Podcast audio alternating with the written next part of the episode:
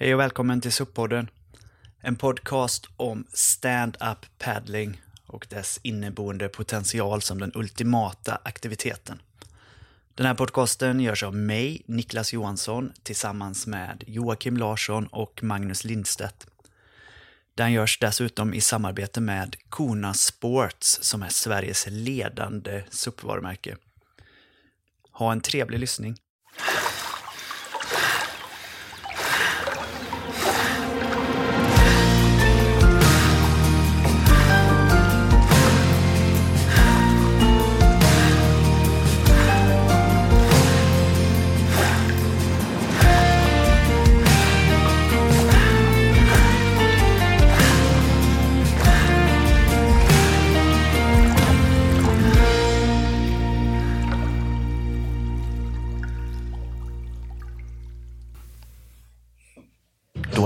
Äntligen dags för nästa avsnitt i SUP-podden. Idag är det jag, Niklas, det är du Magnus och så är det Joakim Yes. eh, som sitter här. Och eh, i det här avsnittet har vi ju tänkt att vi ska sammanfatta 2021, SUP-året 2021. Och eh, kanske blicka framåt lite till 2022. Eh, ja, hur har ni haft det sen sist? Det har hänt mycket här på Korna Ja, jag. jag, tänk, jag tänkte sådär att var det andra januari släppte första avsnittet va? Eller var det första? Det var i januari. i alla Första fall. januari tror jag det var. Det är SUP-poddsåret också. Vi får sammanfatta. Precis, sammanfatta Det är SUP-poddsåret. SUP-poddsåret. Ja. Har, du, eh, har du de där eh, avsnitten framför dig där? Jag kan ta fram det ganska snabbt faktiskt, skulle jag gissa på. Bara lite så här, det, det, det har hänt massor. Alltså, helt sjukt. Eller hur? Ja, nej, SUP-podden, som sagt, vi började ju då, ja, första januari faktiskt. Introduktionen kallar vi det avsnittet. Ja, Eh. precis. Där snackar vi, ja, väldigt basic. Ja, det tror jag. Eh, Jag kommer faktiskt inte ihåg exakt vad vi har sagt i vilket avsnitt, men eh, rubrikerna skvallrar ju lite om det. Avsnitt två var Vi tar det från början. Vi, vi startade lugnt där. Först var det introduktionen, sen tog vi det från början. Nummer tre, Hur kommer jag igång? Nummer fyra, Brädor och konstruktioner. Nummer fem, eh, Konas eh, signum, Stability for Performance.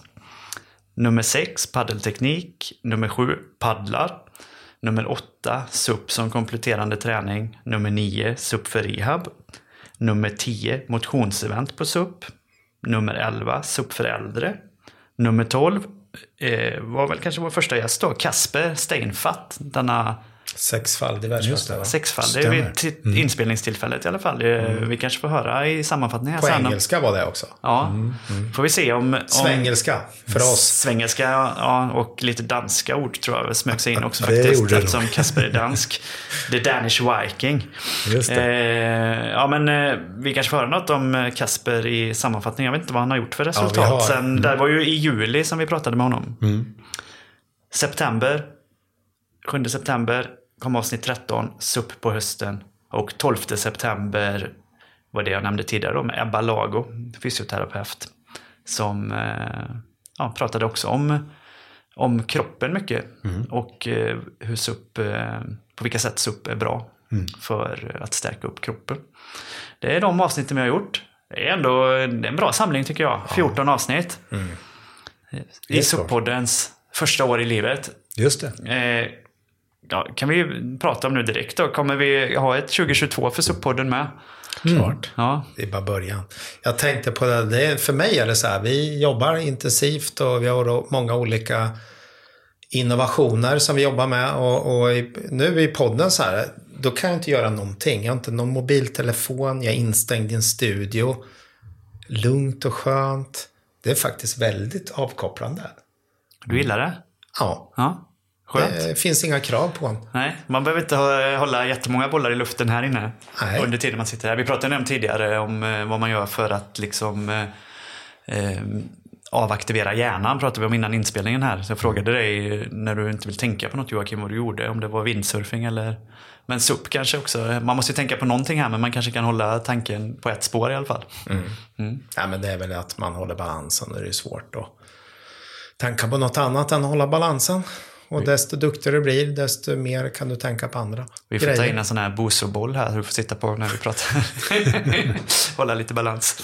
Ja, nej, men jag tycker att varje gång man kommer hit till Motala och pratar med er så har det hänt så otroligt mycket i eran värld. Eh, även om man bara har varit härifrån i några veckor. Så det, det är kul med utvecklingen i SUP-världen. Men om vi ska sammanfatta 2021 då, SUP-marknaden. Eh, vi pratar ju ofta om att det är en, en marknad som växer. Och eh, nu när man är liksom en del i SUP-världen och är i det och man, eh, man pratar mycket om det och sånt så känns det ju som att SUP är på alla människors, eh, i alla människors huvuden och i alla människors tankar. Och så är det ju naturligtvis kanske inte ännu. Men eh, hur har, har SUP-marknaden eh, växt under 2021? Eh? Ja, framförallt liksom så har ju communityn växt. Det är ju mång, väldigt många nya som kommer in och det är ju samma frågor som man fick för tre år sedan. Och det, känslan är ju att fortfarande är ju väldigt låg kunskap. I marknaden? Eh, ja, men den känns bra, den känns bra. Men i våra mått så är ju inte det tillräckligt bra som svar. Eh, vi jobbar ju väldigt, eller Magnus och jag, och framförallt Magnus nu har avslutat en lång studie som vi kommer lite senare på just genom tester och mer data. Precis som när man tittar på längdskidor så går man ju inte och köper ett par längdskidor, man går ju och köper ett par längdskidor som passar kroppen. Mm. Är du kort och lätt, ja men då åker du inte runt på farsans skidor och så vidare. va. Eller en cykel, du åker inte på en 60 års eller 60 storlek när du kanske behöver ha en 52 eller en 50. Det här tycker jag är intressant, för det tror jag vi kommer komma in i ett, i ett senare avsnitt. Att SUP kanske inte bara är SUP, utan att det finns flera olika sätt att suppa på och att det kräver olika utrustning. Det är som längdskidorna du, du nämnde. Man har ju olika långa stavar beroende på om man åker skate eller klassiskt, olika långa skidor, olika styva skidor. Det tycker jag kommer bli jätteintressant att prata om i det avsnittet senare. Men det är sånt ni har hållit på med under året? Mm, ja, men, ja, precis. Och eh, pandemin har ju även gjort då att man har ju sett väldigt många människor som faktiskt eh, suppar när det är kallt. Jag, jag, vi har aldrig sett så mycket Lucia-paddling som vi har gjort nu. Alltså det har varit extremt mycket Lucia-paddling. Ja, på många ställen. Nu kom det ju lite is i norra Sverige, annars hade det ju varit uppe i liksom Sundsvall och såna grejer. Men ser man ifrån Stockholm och söderut, kanske lite mer norrut också, så har det ju varit mycket Lucia-paddling. Mm, men ändå har vi haft två veckors isbeläggningar nu. Ja, men det, de är ju tillbaks liksom. Eh, Ja, nu börjar det släppa igen så nu är det... Ja, men det är roligt att folk upptäcker att man kan suppa året runt, för det kan man verkligen göra. Eh, mycket sporter som börjar att sprida ut sig över månaderna. Vi körde en eh, Lucia swimrun faktiskt i Borås eh, i helgen. Eh, 12 december. Då var det ju par, fyra minus kanske. Simmade de i Viskan och också utklädda i diverse Lucia-utstyrsel då. Det var en tomte till exempel som simmade med en julklappssäck och delade ut eh, paket till barnen längs banan. Eh, så det här med att idrotta på vintern, det växer ju och jämfört med simning är ju SUP en, eh, en riskfri vintersport om man säger så. Om det kommer till att frysa. Eh, det är roligt. Ja, men vi har sett väldigt många fler som faktiskt tagit oss på orden att man sticker ut och kör. Man skaffar sig ett par tjocka skor och är det fint väder så sticker man ut och kör i, i kläder liksom. Man åker inte ut ens i våtdräkt eller torrdräkt. Och det är ju lite som vi har varit tillbaks. Det är ju lite långfärdsskridskor. Man kan faktiskt ha lite torra kläder med sig i vattentäta ryggsäcken till exempel. Gör det, man behöver inte göra det så komplicerat. Nej. Man har alla möjligheter att ta med sig en påse godis också. Det är fantastiskt. Och det, är- det, det är ju Det är lite det. Jag tycker storheten, man, jag har själv hållit på med massor med actionsport och sådär, men storheten ligger ju faktiskt i att det är en paddel och en bräda. Och sen kan du, kan du det så kan du gå ut och göra det. Det är väldigt, det är en kvick liksom, kvick aktivitet är det. Men tillbaka till frågan då med SUP-marknadens expan- e- eventuella expansion under 2021. Många outdoor-butiker och liknande har ju sett en explosionsartad försäljningsökning. Och cykelhandlare och alla som håller på med den sortens eh, saker. Har man sett samma sak i SUP? Mm, absolut. Eh, där man kanske ser det, det drar ju till sig fler aktörer. aktörer som är ganska liksom copycat. Eh, Men det är klart, det går ju att sälja Eh, ett tag innan eh, kunnandet blir högre i marknaden. Desto högre kunnande, desto mer kräver man av produkten och desto svårare är det att driva den typen av aktivitet.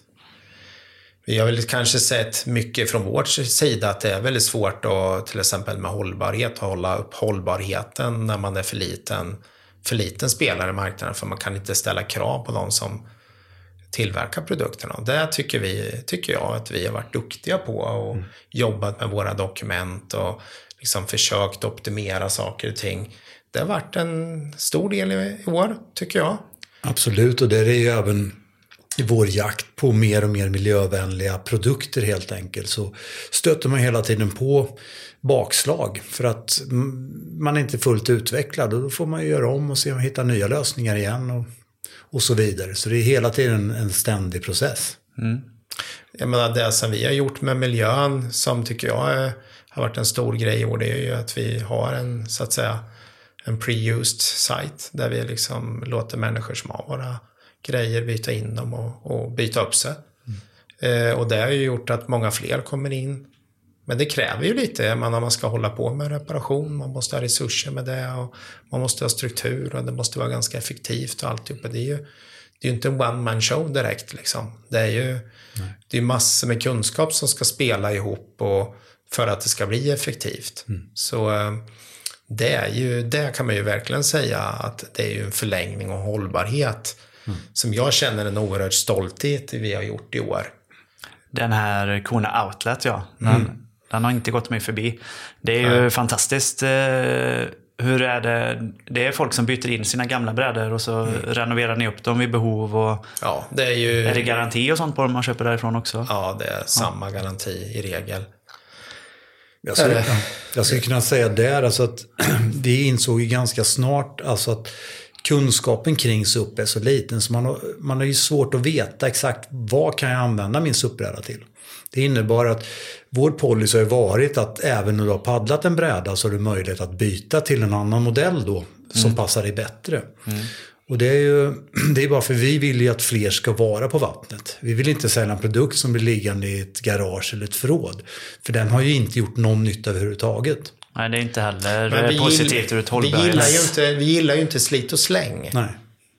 Alltså det ligger ju i generna. Från att vi gjorde den första windsurfingbrädan, liksom, den ser likadan ut, den i en entypsklass. Men att ha en eh, liksom eco-friendly produkt, det är ju produkter som håller länge och används av många. Och sen kan den användas av flera på grund av att man byter ägare på något sätt. Eller, det, är ju, det är ju väldigt häftigt och det där är ju väldigt mycket outdoorföretag som gillar om oss för att vi faktiskt inte bara, vi säljer inte PVC från Kina. Vi säljer faktiskt förädlade saker som bidrar till värde. Och där ser vi ju väldigt många outdoor-människor och, som kommer till oss. Tillika som vi, vi promotar de produkterna som vi själva önskar ifrån andra leverantörer. Precis. Ja, men det är två sätt och det är två delar av hållbarhet kan man säga. Många tänker nog bara på att det ska vara miljövänliga material, det ska vara miljövänlig tillverkning, det ska inte vara några utsläpp, det ska vara korta transportvägar. Den delen. Men det ni pratar om nu är en minst lika stor del. Det är ju att produkten ska vara så bra så att den håller länge. Och som du säger att den kanske kan gå i arv eller att den kan säljas vidare som begagnad och användas man under, kan- under hela man sin kan livslängd. kanske tänka sig att man köper en 10-8 och, och sen kommer man på, är man, är man en familj kanske man adderar en produkt till eller en, liksom en bräda till. Men man kanske är ensamstående och då kanske man vill byta upp sig om man vill. Det är ju väldigt fint att kunna, att den där brädan används av någon ny. Det är ju liksom, det är ju hela tanken med att uh, vara hållbar. Exakt.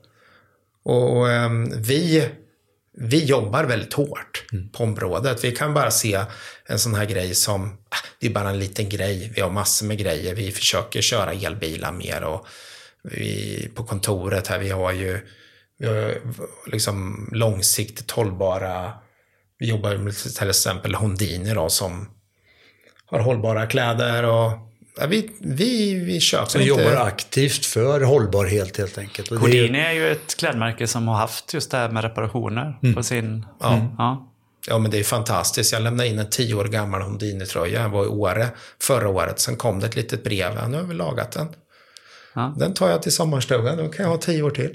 Alltså, det, är, det är faktiskt hållbarhet. Och Vi kommer släppa massor med nya saker till 2022. Som är hållbara. Utan att säga mer. Men vi jobbar hårt och försöker liksom göra det här korrekt. Och en liten återkoppling där Niklas till just vad som har hänt med marknaden och att folk har, har upptäckt SUP och så vidare. Det är ju eh, det vi har sett i det här och det som, som jag har försökt att, att, att hitta det är ju att finns det någonting som faktiskt gör att SUP inte längre är funktionellt? Att kommer det någonting annat? Finns det något annat sätt att få de här träningseffekterna? Och hittills så har jag inte lyckats upptäcka någonting annat då. Så SUP är här för att stanna. Det är så simpelt eh, och det är så få produkter och inverkan på miljön är ju så liten. Men hälsoeffekterna är så fruktansvärt stora. Därför kommer SUP att stanna. Och det, är, det är väl till mångt och mycket därför jag förespråkar det som en, en, en kompletterande träningsform och så vidare och så vidare. För att vi har bara sett, eh, vad ska man säga, vi har skrapat på ytan av vilka effekter SUP ger. Då.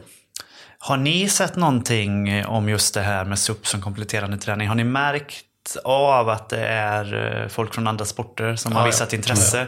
Ja. Vi har många som ringer. Jag måste träna upp bålen. Jag är för svag i överkroppen.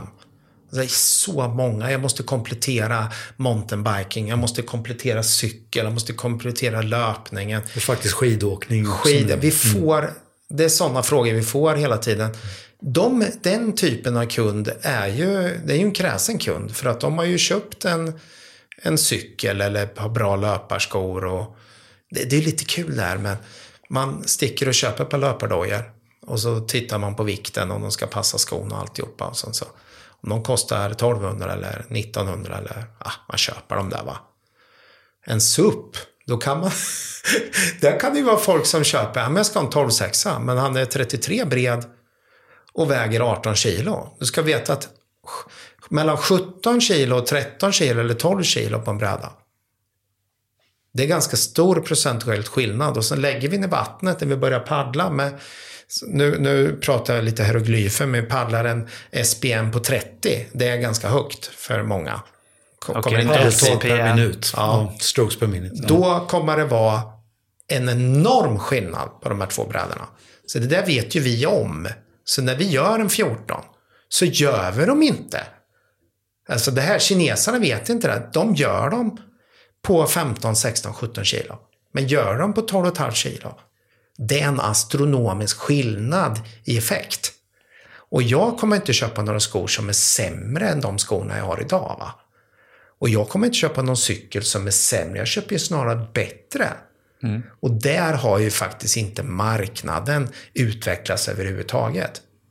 För att det finns så extremt lite research. Nej, men det, Det känner stör, ju, mig, det, det stör mig att det är så låg kunskap. det där känner man ju verkligen igen från cyklingen. Folk som eh, hellre köper titanskruvar som väger ett gram mindre styck än att gå ner ett kilo i vikt. Till exempel. Men, Mm. det där är men det, där, det där är ju eh, faktiskt någonting som jag eh, förstår att det gör väldigt stor skillnad.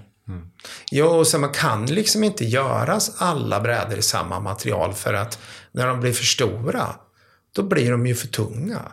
Och det kommer hela tiden nya material och vi testar nya former och vi testar nya förstärkningar hela tiden. Det, det är ju liksom en stor del av det Magnus och vi gör, att bekräfta vad som är bra och vad som är dåligt. Och det är ju, det har vi verkligen gjort i år. Och, och här kan man ju säga då liksom att, att som det har varit och är till stor del fortfarande idag då som är eh, liksom det vi vill försöka komma ifrån. Det är att tillverkare idag paddlar inte SUP själva. Det innebär att det blir inte bra i slutändan.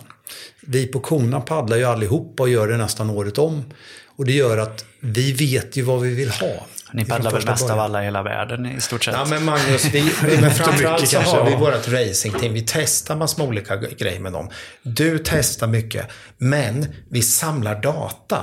Vi håller inte på och tycker och tänker, åh det känns så. Ställer du en fråga på ett forum, ja det känns så, den är bra så. Nej, så enkelt är det inte. Det är effekten, det är stabiliteten, det är riktningsstabiliteten, det är responsiviteten. Det är sådana grejer som är vi ute efter. Vi har ju sett brädor som liksom är tre tum, så att de är 27 breda. De är, de är mycket stabilare. Vi är ju nere på 24. De är stabilare än de som är 32. Hur kan vi göra det? Jo, vi vet hur vi ska göra. Vi kan förändra så mycket parametrar. Det är det som är kunskap. Men vi såg ju också att det här var ju så viktigt för oss att förstå. För att då var vi tvungna att ställa kraven borta på fabriken att de här mätvärdena måste vi ha reda på. Vi måste mäta de här. Det måste stämma mot våra ritningar. För till 95 procent, om man skickar över ritning till Asien, så stämmer inte grejerna när de kommer tillbaks. Och då handlar det om dokumentation, kontrollpunkter, alltihopa. Men har du inte ett kontrolldokument så du kontrollerar att det här följer det här, då stämmer ju inte vår data. Så, så det här har ju varit inte en... det, som- men, och det är, som liksom ing, det är ingenting som man gör under ett år till ett annat år. Det är ju liksom femårsprocess att göra det här. Så Mm. jag tror att det kommer att ställas oerhört mycket högre krav Mm. framtiden på de som ska leverera en SUP för kunskap. Vi kommer inte ligga och, och inte sprida kunskap, det kan jag säga. Nej, Om man tar den målgruppen då som kanske eh, hittas upp som kompletterande träning och som är väldigt aktiva eller det som eh, brukar kallas för elitmotionärer eller som har det som livsstil att eh, åka skidor eller cykla eller så här och vill ha SUP som kompletterande träning. Det är ju också en mycket kräsnare målgrupp gissar jag. Men samtidigt tänker vi så här att det vi lär oss i fronten kan vi ju applicera på nybörjaren. Du tänker lite Formel 1 där. Ja, egentligen så är det ju så att Formel 1 är ju, man driver ju Formel 1-teamen för att man ska testa ny teknik, eh, nya produkter, slitage, performance, alltihopa. Det kommer ju till gagn för den enklaste produkten. Som bromsåtervinningen i din Polestar. Ja, precis. Den testades Formel inne 1 på först. den. Ja. Ja. men det var, ja. Nej, Ja. Jag ska inte prata om det, men Niklas är ju ett stor fan av elbil det också. Det, Niklas, jag fick en up update nu, min Polestar. Ja, går den fortare nu då? Jag hade inte klickat på den, men jag fick 50 hästkrafter till. Ja, ja men gratulerar. 0, vad var det? 0,3 eh, sekunder på upp till 100. Får vi hoppas att du har riktigt bråttom nu då, så att den var värd pengarna. Nej, jag, vet, jag har inte köpt den än. ja, nej, men jag förstår vad du menar. Det man eh, testar liksom i den yttersta spetsen kommer ju alltid... Det sipprar ju ner till även de enklaste produkterna såklart. Och, och för att återgå till, till vad Joakim sa där också så handlar det ju om att, att är man ledande inom ett område så måste man utbilda hela kedjan. Alla i hela kedjan måste förstå vad det är man eftersträvar. Vad är syftet med just den här produkten till exempel? Vad ska den ge för användaren? Och så länge, så länge man bara gör en produkt som folk ska eh, bara använda utan något egentligt syfte, ja, men då, då kommer det se ut hur som helst. Men här vill ju vi, eh, jag menar, vi vill ju sprida hälsoeffekten av SUP. Upplevelsen av SUP. Det är ju det som kommer att göra att folk fortsätter. Det är det som gör att vi kan fortsätta utveckla det vi tycker är, är, roligt och stimulerande. Ja, men alltså, syftet är ju att vi, att vi bidrar med mer. Vi är ju på planeten för att bidra med någonting. Och bidra till exempel med bättre produkter, bättre kunskap, eh, en, en, en, vad ska man säga, en, en bättre upplevelse som du brukar säga. Det är ju, I slutändan så är det ju det, det man liksom vill bidra med. Men som sagt var, vi återkommer till det där och, och vi har ju, det har ju hänt massor med andra grejer. Har det gjort. ja, det var ju frågan om huruvida marknaden hade växt eller inte. Det var många sidospår där, men... eh, Den har växt. Den har växt helt enkelt. Och eh, teknikutvecklingen har gått framåt också då som jag har förstått på svaren. Eh, du nämnde ju Kona Racing Team här eh, vid ett tillfälle. Eh, det, och jag sa det när jag räknade upp avsnitten att eh, Kasper kanske har kört några mer tävlingar sen, sen sist vi pratade. Hur har det sett ut? I, har det kommit in några nya unga stjärnskott i tävlingsvärlden? Om man ser till mästerskapstävlingar och SM-tävlingar in- och sånt in- Och hur har det gått? Vi har lyft in tre nya ungdomar internationellt. Och det här är inte officiellt än vilka det är, så jag tänker inte nämna namnen. Men för första gången i Konas historia så ska vi vara med i den internationella världscupen. Med eh, och utmana om VM-titeln. Och det är Magnus här som, Magnus är ju en fantastisk tränare som har tränat Kasper. Men vi bygger på ett ungt team som på väldigt kort tid har liksom ökat effekten och kapaciteten. som man tänker sig Kona Racing Team i år har gjort en sån dundersuccé. Vi har för första vunnit alla titlar i svenska mästerskapen, alla herrtitlar. Och de klasserna vi inte vunnit dubbelt i, de har vunnit trippel i i år. Och det är herr.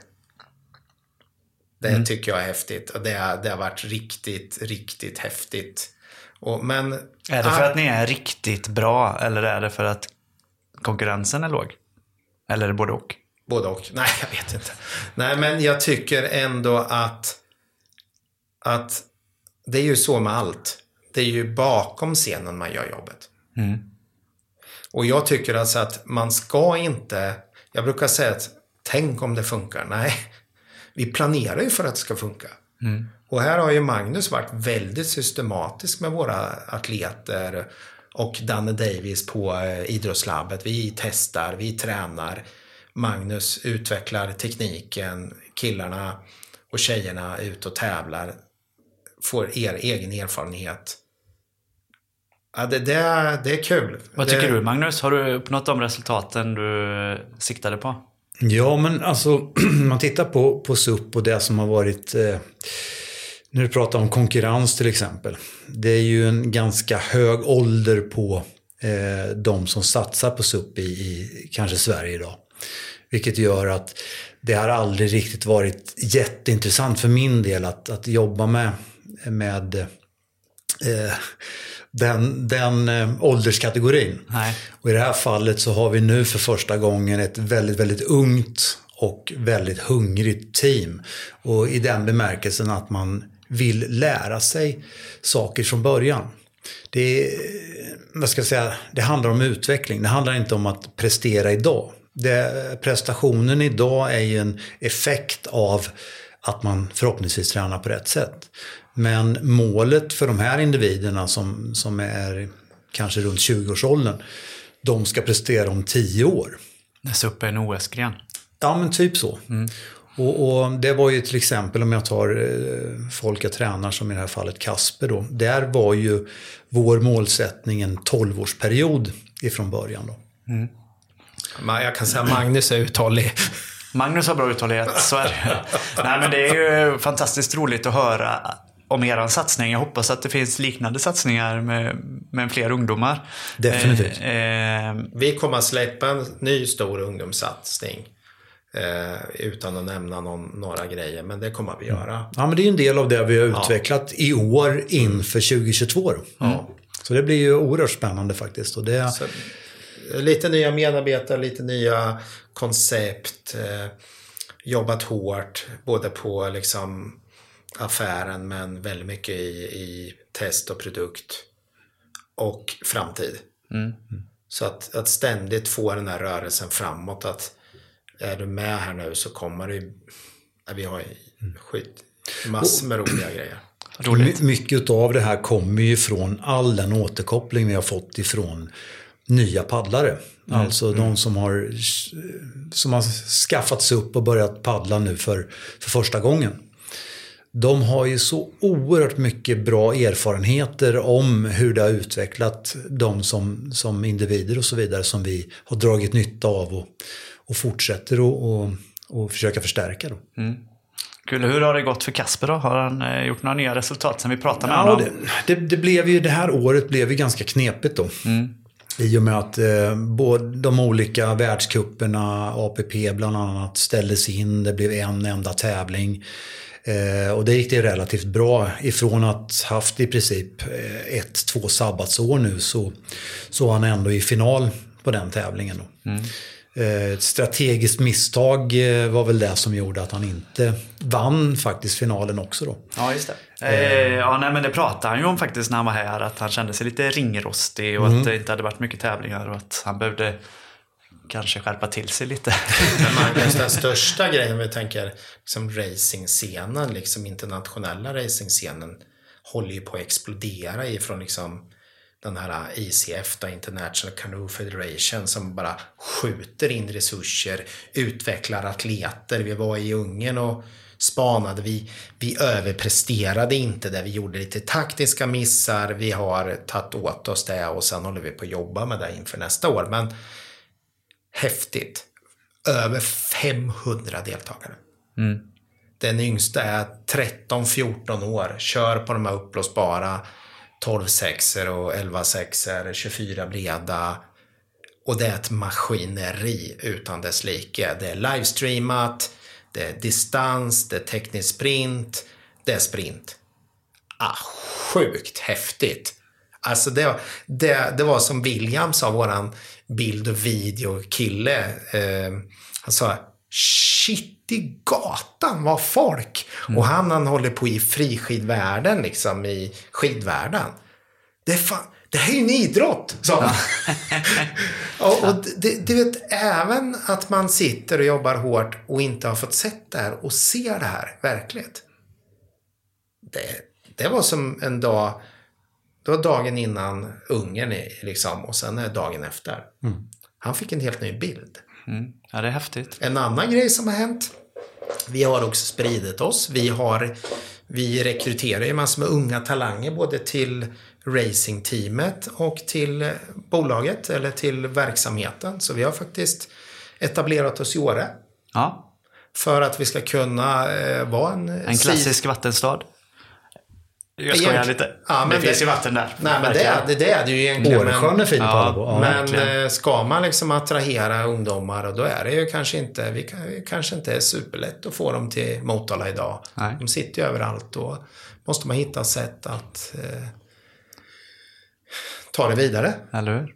Och det är kul för då har vi ju närmat oss, syftet med det är ju att vi har närmat oss de rena outdoorbolagen mm. som håller på med touring och vara ute mycket i naturen och fått den typen av kompetens och vi väver in det här i mer och mer då i, i det vi gör. Mm. Då var vi inne lite på det här med att man har olika kategorier som i cykel har man mountainbike och ibland kör man till och från jobbet eller man kanske kör racer eller gravel. Det är samma sak i SUP. Mm. Kan du en sak så kan du ta med dig kunskap över en andra sak och så kan man göra det bättre. Mm. Men då måste man ha interaktion från andra idrotter och andra kunskaper. De bidrar ju med nya material och nya sätt hur man liksom hanterar den här sporten. Så det är Häftigt. Det, ja, det är häftigt. Det var, det var som en kille började här nu i april. Han sa så här. Eh, ni ligger före Spotify, sa han. Jaha, menar du? Nu ska Spotify öppna kontor i Åre. De ska ha 17 season employments. Mm. De kunde inte rekrytera folk. Så nu har man season employments då, då uppe i Åre så man kan bo där, jobba där och åka skidor över vintern. Alltså ja. det här är ju en, det sitter ihop med pandemin. Mm. Det blir samma sak med SUP-metropolen Motala. Ja. Precis. Folk kommer öppna kontor här vet för ja, ja, nej, det men, men det, är inte, det, är inte, det är inte nyckeln, men vi rör oss framåt i en tid. Det som har varit har varit. Nu är vi ju nu. Och det som har varit i SUP bakåt, det, det är liksom, glöm det. Det är en ny marknad nu, det är nya förutsättningar. Varje sekund. Leva på gamla meriter kan man inte göra. Det tror jag att delvis branschen gör. De som varit med tidigt. Eh, och det tror inte jag. SUP är för mig en aktivitet. Det är inte primärt surfing. Det är primärt en idrott och en aktivitet för den stora breda massan. Sen kommer vi köra race på havet och sådana aktiviteter. Men primärt så är det inte det. Det är vi som bor i storstäder och vi bor nära vatten. Tillgängligheten. Ja. Ja, men eh, apropå gamla meriter och den här tävlingen i Ungern då. Eh, kom, kommer det finnas fler av den sortens tävlingar under Ja. 2022? ICF. Kommer ni satsa på att vara med Ja, med ja, racingteamet i fler sådana tävlingar? Ja, vi, det är vår stora satsning att vi ska vara med. Vi ska bli mycket bättre där. Och eh, nästa år så går det i Polen i början av september. Faktiskt eh, samma helg som Göta kanals upplopp. Men eh, då har ju någon annan chans att vinna än de här som har vunnit de sista åren. kan vara en uppsida för de som är med. Och och sen är det, de startar ju en egen World Cup med tre stycken stora tävlingar vad jag förstår. Så det kommer ju vara två Eventuellt världs... ytterligare två tror jag. Ja, det kommer ju vara kanske. två världscuper som går. ICA, International Surf Association, Mm. och International Canoe Federation. Men det vi har sett sista åren, då är det ju faktiskt, trots allt, så är det ICF som har levererat under pandemin. Mm. Sen får vi väl se nu när pandemin är över. Ja, det ser ju ut som, som det gör nu så inför nästa år så har vi ju delvis två stycken världscuper. Den ena via ICF och den andra via APP då, som är kopplat till eh, ISA. Sen har vi faktiskt EM eh, går i Danmark Ja. i eh, augusti. Och, eller slutet av augusti då. Och sen så har vi då VM i Polen eh, för ICF då, Canoe Federation. Och sen har vi VM i Puerto Rico i november via ISA, Surfing Association. Just det. Så att det finns- kommer vara det är som två, två mästerskap helt Ja, enkelt. det det. olika. Ja. Och det är så det har varit här med tack vare att ehm, det låg i KAS den här konflikten, alltså skilje, idrottens skiljedomstol där, vilken av de här organisationerna skulle få tas upp till OS då. Ja. Och nu är ju um, ISA där med surfingen så att det finns väl stor chans att suppen kommer med nu ganska snart. Men eh, Hur tänker man som utövare då? Vill man köra båda de här serierna? Nej, tittar man på den, var den största marknaden finns så är den egentligen i Europa. Vilket gör att Polen kommer bli mer intressant än Puerto Rico skulle jag säga. Det är lättare att få dit utrustning och så vidare. Ehm, dilemmat som det har varit tidigare då när ISA är de som har haft eh, flest VM det har varit på väldigt, ja, många tävlingar gått i Sydamerika och så vidare. Undantaget var ju egentligen Danmark då 2017. Ehm, sen har det varit väldigt komplicerat att få dit, att komma dit och dyrt att komma dit. Då. Just det. Hur gör man då om man kommer från Sverige? Då kör man, eh, behöver man kvala i SM-tävlingar och Nej, sådana saker? det, det bästa också då som, som eh, dilemmat. ICF, ICF där kan man ju åka kvala på plats. Exakt. Men Det var du, när- du ja. kan genom världscuperna få en ranking. Exakt. Så du kan komma in i, eller liksom längre upp i stegen. Slipper kvalet på Jag plats. då. älskar den typen av... eh, Och i Sverige på SM. Faktiskt. Mm. Tidigare var det så här att i eh, ICA då, eh, då var man tvungen att kvala i Sverige. Och problemet var att väldigt få länder hade förbund som hade SUP under sig. Vilket gjorde att kvalificeringen blev väldigt komplicerad eller väldigt eh, otydlig. Här gjorde man mycket, mycket bättre från ICF. Att här hade, har man öppna VM istället med kvalificering på plats. Då, vilket gör att vem som helst oavsett vilken typ av förbund man har kan komma dit och, och tävla. Ja, Men om vi går tillbaks till 2021 va? Ja, 2021 är det. Då är det ju någonting som jag, jag har ju tagit med mig, om jag bara tar fyra ögonblick som är helt fantastisk. Vi började tidigt på våren där du Magnus vann SM före Linus va? Distans. Ja, just det. Ja, det var kul. För det var så här Bronto-vind från sidan på en insjö i... I eh, Lerum eller Floda? Floda, Floda, Floda, tror jag Mm. faktiskt. Den Precis. Ja. Eh, det var kul. Och sen hade vi våran eh, Joel då, som är löpare, kom tvåa där. Hon, hon var liksom inte riktigt eh, Hon taktisk de- rätt. Hon hade inte riktigt taktiskt rätt, annars borde hon ha kanske nailat det. Vi kommer vidare till, det är faktiskt årets moment. När jag ser Magnus komma upp på stranden och kramar om grabbarna. Där faktiskt Linus nailar första platsen teknisk sprint före Magnus. Och Marcus kommer trea. Där Linus utmanar Kasper egentligen hela tiden. För Kasper var med och körde, man kan inte vara med och köra svenska Nej, mästerskapen. Men Magnus, eh, liksom, kram. Det är faktiskt en av de största, finaste bilderna i år. Ja, men det, det är definitivt för, för egen del också kan jag säga. För i det här fallet så var det ju Kasper vann, eh, Linus tvåa och eh, jag trea då, men, men Marcus eh, fyra fast trea i SM. Ja. Eh, nej, det var, det var riktigt, riktigt häftigt. Eh, sen en annan eh, stark grej, det var ju nämligen SM i supersprint. Ja, Och men, där- jag, vänta, men det har varit lite kul för att vi har ju tagit, vi har ju varit lite, så att säga, eh, för många år sedan förstod vi att brädor är inte konstruerade som egentligen funkar här uppe. Det är lite för mycket volym och det funkar ju mycket volym om man inte kan paddla. Men om man kan paddla så kan man ju inte skapa den hastigheten om man har för mycket volym. Det blir för trögt. Så vi vinner ju då en trippel med våran Ocean 1422 som eh, liksom, den är snabbast. Det är så jävla kul för att den står ju ut i marknaden. Mm. Det, vi, gjorde, alltså- vi gjorde verkligen något helt nytt då när vi kom.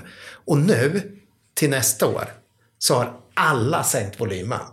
Alla, jag menar alla. Vi har gjort om, vi håller på att twista lite också sådär. Men, men det är kul att vi faktiskt, nu ett svenskt bolag, helt nytt, vi konstruerar på helt nytt sätt. Så är det väldigt många som faktiskt har tittat och fångat upp det. Det sprider sig ut i världen. Den, ja, och den brädan har ju kanske en fjärdedel mindre volym än övriga brädor i samma längd och- bredd. Just det. Men det är ju för att Superkul. man har kunnat skapa den kraften. Sen en andra grej som jag, moment, eh, du får ta det sista där sen, men det var ju en- den här fantastiska tävlingsformen. Det är nästan som Niklas 77 Ultra. Viking Crossing. Heter det inte Viking Crossing? 24 timmars lopp. Man paddlar i Nej, lag. Viking Challenge. Viking Mid- Challenge. Midsummer Challenge. Midsummer Viking, ja. Mm. Challenge i Köpenhamn. Kasper håller i det här. Man kör 24 timmar med ett lag om fyra.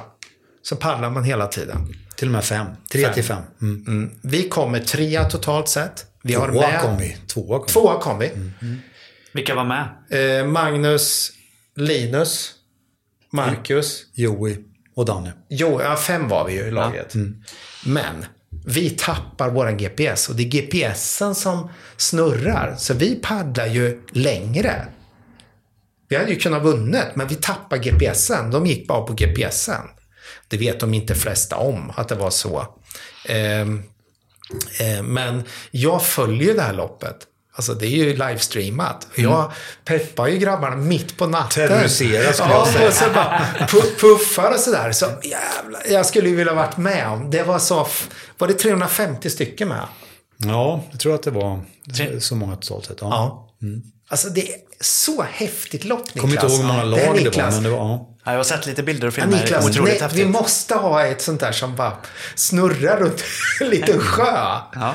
Där liksom hela stan kan vara med och köra. Det finns ju faktiskt exakt det. Eh, man gjorde det för många år sedan. Jag tror det var typ 2014 runt där. Då körde man ju ett 24 timmars lopp i Malmö. Eh, Malmö kanal då. Och den är ju ungefär 5 kilometer. Ja. Så den hade ju varit perfekt och haft ett liknande då. Nu ligger det inte speciellt långt ifrån Köpenhamn då. Så att, Nej, eh, precis. Ja, men det är ju det en häftig tävlingsform och kul att det gick så bra. Eh, Ja, men ja, det är skit, skitkul. Vi, Och vi hade ju, vi var enda laget som var i topp 10 som hade en tjej med sig typ. ja, Ja. Och vi fortsätter liksom. Vi ska ju, nej, vi ska ju vidare och vi ska satsa på det nästa år. Och vi kommer ha en tjej i laget också, som det ser ut. Eh, och vi tycker att SUP är multi, alltså multikönat liksom. Men innan sista racet som också är helt fantastiskt. Då säger jag till Mange så här. Mange, det är dags att lämna över tronen, sa jag till Mange. Nu stannar du hemma. ja. Så Magnus stannade hemma. Vilket gör att resten av racingteamet måste ju börja planera själva. Det här var ju en, det här var ju en test som vi gjorde, du och jag. Vi kom ju överens om att det här ska vi testa. Ska vi se vad, de, vad som händer. Vilket lopp var det? Det var Lomma Suprace. Det eh, kan tror ju, du kan ta över diskussionen, men det, är- det är så jävla kul hur vi lägger upp det, jag och Magnus. Magnus stannar hemma. Han är ju givetvis jätteduktig på sprint. Vi skickar dit våra grabbar, Linus och Marcus. De är helt olika i sin paddel. Den ena är eh, kanske paddlar kraftfullare och lite långsammare. Medan den andra har högre frekvens. Så. Det är egentligen två lite olika skillnader av paddlare. De sticker ut med, dit med två olika brädor. Vi har ju två brädor, Nominos och Ocean. Och de kör det här racet. Det var ju... Det började så här egentligen att, att när vi började utveckla både Ocean och Numinos då så såg vi ju vilka, alltså den har typ av två olika skrovformer. Det ena Ocean har ju då det vi kallar för planingsskrov. Och eh, Numinos då deplacementskrov. Vilket innebär att det ska liksom skära vattenytan. Den typen. Och det är ju vanligast i kanot till exempel. Eller nästan bara det som finns i kanot. Och det är ju bara för att man är ju låst i sin position och paddla att jobba med, med eh, gravitationen och kroppsvikten där till exempel. Men ganska snart så insåg vi också i SUP då i en stående position att faktiskt planingsskrov kan vara snabbare än deplacement. För att vi, vi eh, kan skifta frekvens och, och hålla brädan mer över vattenytan. Och det här har hela tiden när vi jobbat med testerna under alla år nu eh, sett effekten av. Då. Och för första gången så blev det här med två ganska jämlika paddlare. Men med olika, eh, vad ska jag säga? Stil. Olika stil, ja precis. Eh, och olika frekvens då. En planingsbräda, eller bräda med planingsskrov, behöver kanske lite mer frekvens för att hålla sig flytande då. Medan en, en deplacement behöver lite mer kraft och kanske inte lika hög frekvens eller kadens. Då. Just det. Så nu så skilde det ju några få hundradelar mellan Nominos och Ocean. Eh, som blev då, Nominos vann då med någon hundradel mer än Ocean. Och paddlades med en frekvens på runt 55 i förhållande till Ocean som paddlas på en, en frekvens som låg eh, över 90 då skulle jag säga. Just det. Då, Ja, det- det- förlåt, förlåt. jag- Num- Numinos Ja, låg det nog häftigaste på, nu, på kanske det 70. att Magnus har en Ja. SM-titel i Nej, år. men jag vill veta först bara okej. att, eh, för jag känner ju grabbarna. Mm. Vem paddlar vilken bräda? Eh, Marcus paddlade på Numinos och eh, Linus på Ocean. Så Marcus vann helt enkelt. Marcus vann. Ja. Marcus körde Nominos 1423. Ja. Och eh, Linus körde en 1422. Eh, men det jag, jag ska försöka Och komma båda till- väger ungefär lika Ja, mycket kan man men, säga. men det här vi har sett under många år när vi har testat så har vi ju sett frekvensen. Var går den här gränsen? Hur många paddeltag bör man ha för den optimala hastigheten? Vi har ju lärt oss mycket på det, så vi kan faktiskt nu ta in det i våra vanliga produkter. Så nu under hösten så har vi gjort de testerna hundraprocentigt. Så nu vet vi datan som inte har vunn, funnit, vunn, eller f, liksom förstått förut. Och det är det här med Formel 1-team, att förstå var går gränsen. Så nu för första gången så kommer vi med de här talen på brädorna till 2022. Vilken frekvens som är optimal för vi- vilken bräda helt Ja, enkelt. och, och där kan man ju, då, de här, då kan man faktiskt, kan du inte skapa den kraften och den frekvensen, då är det inte säkert att du ska ha den brädan. Och det och här, det är- här har inte någon kunnat förklarat förut. Det är ingen som har kunnat förklarat. Den kör med en sån bräda, den kör med en sån bräda. Alla har ju olika förutsättningar. Och det här är ganska... Vi har gjort, alltså testningar vi har gjort eh, ja, sen början helt enkelt. Det här är väl första året vi gör exakt samma typ av funktionstest på hela rangen av både upplösbara och hårda brädor. Och bara att sett hur och vad en upplösbar bräda presterar faktiskt utifrån samma sak är oerhört intressant. Det har vi lärt oss. Eh, nej, jag har aldrig paddlat så mycket upplösbara så hårt ska jag säga.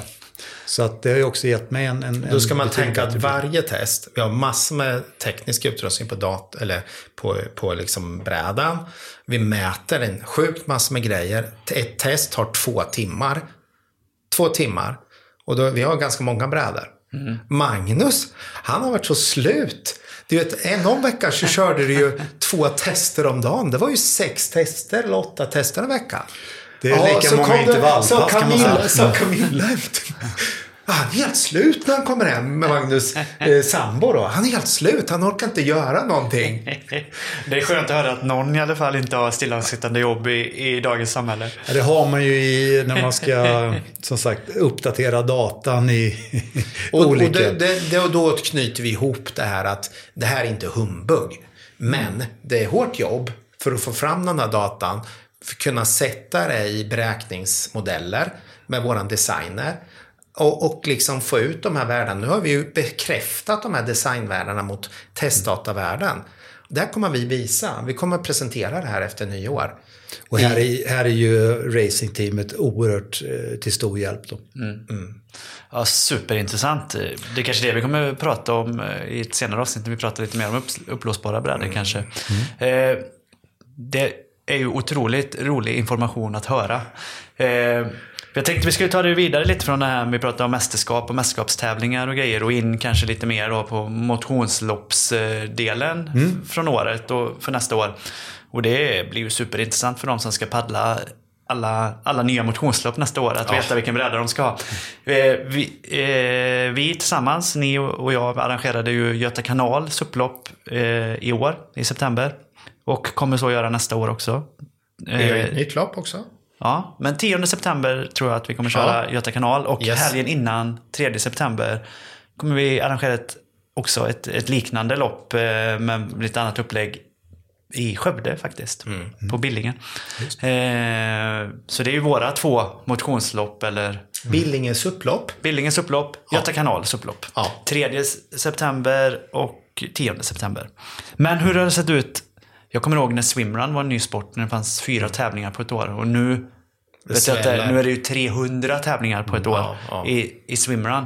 Hur har det sett ut i SUP under året? Har ni märkt att det är mycket fler nya små lopp eller stora motionslopp eller liknande Ja, men under det här året som har det varit? här loppet som vi är med nu där och hjälper till och bygger upp då, det är ju, det är ju en sån ny, hyfsat ny aktör som vill starta och det finns många där ute som vill köra bara ut en tre kilometer.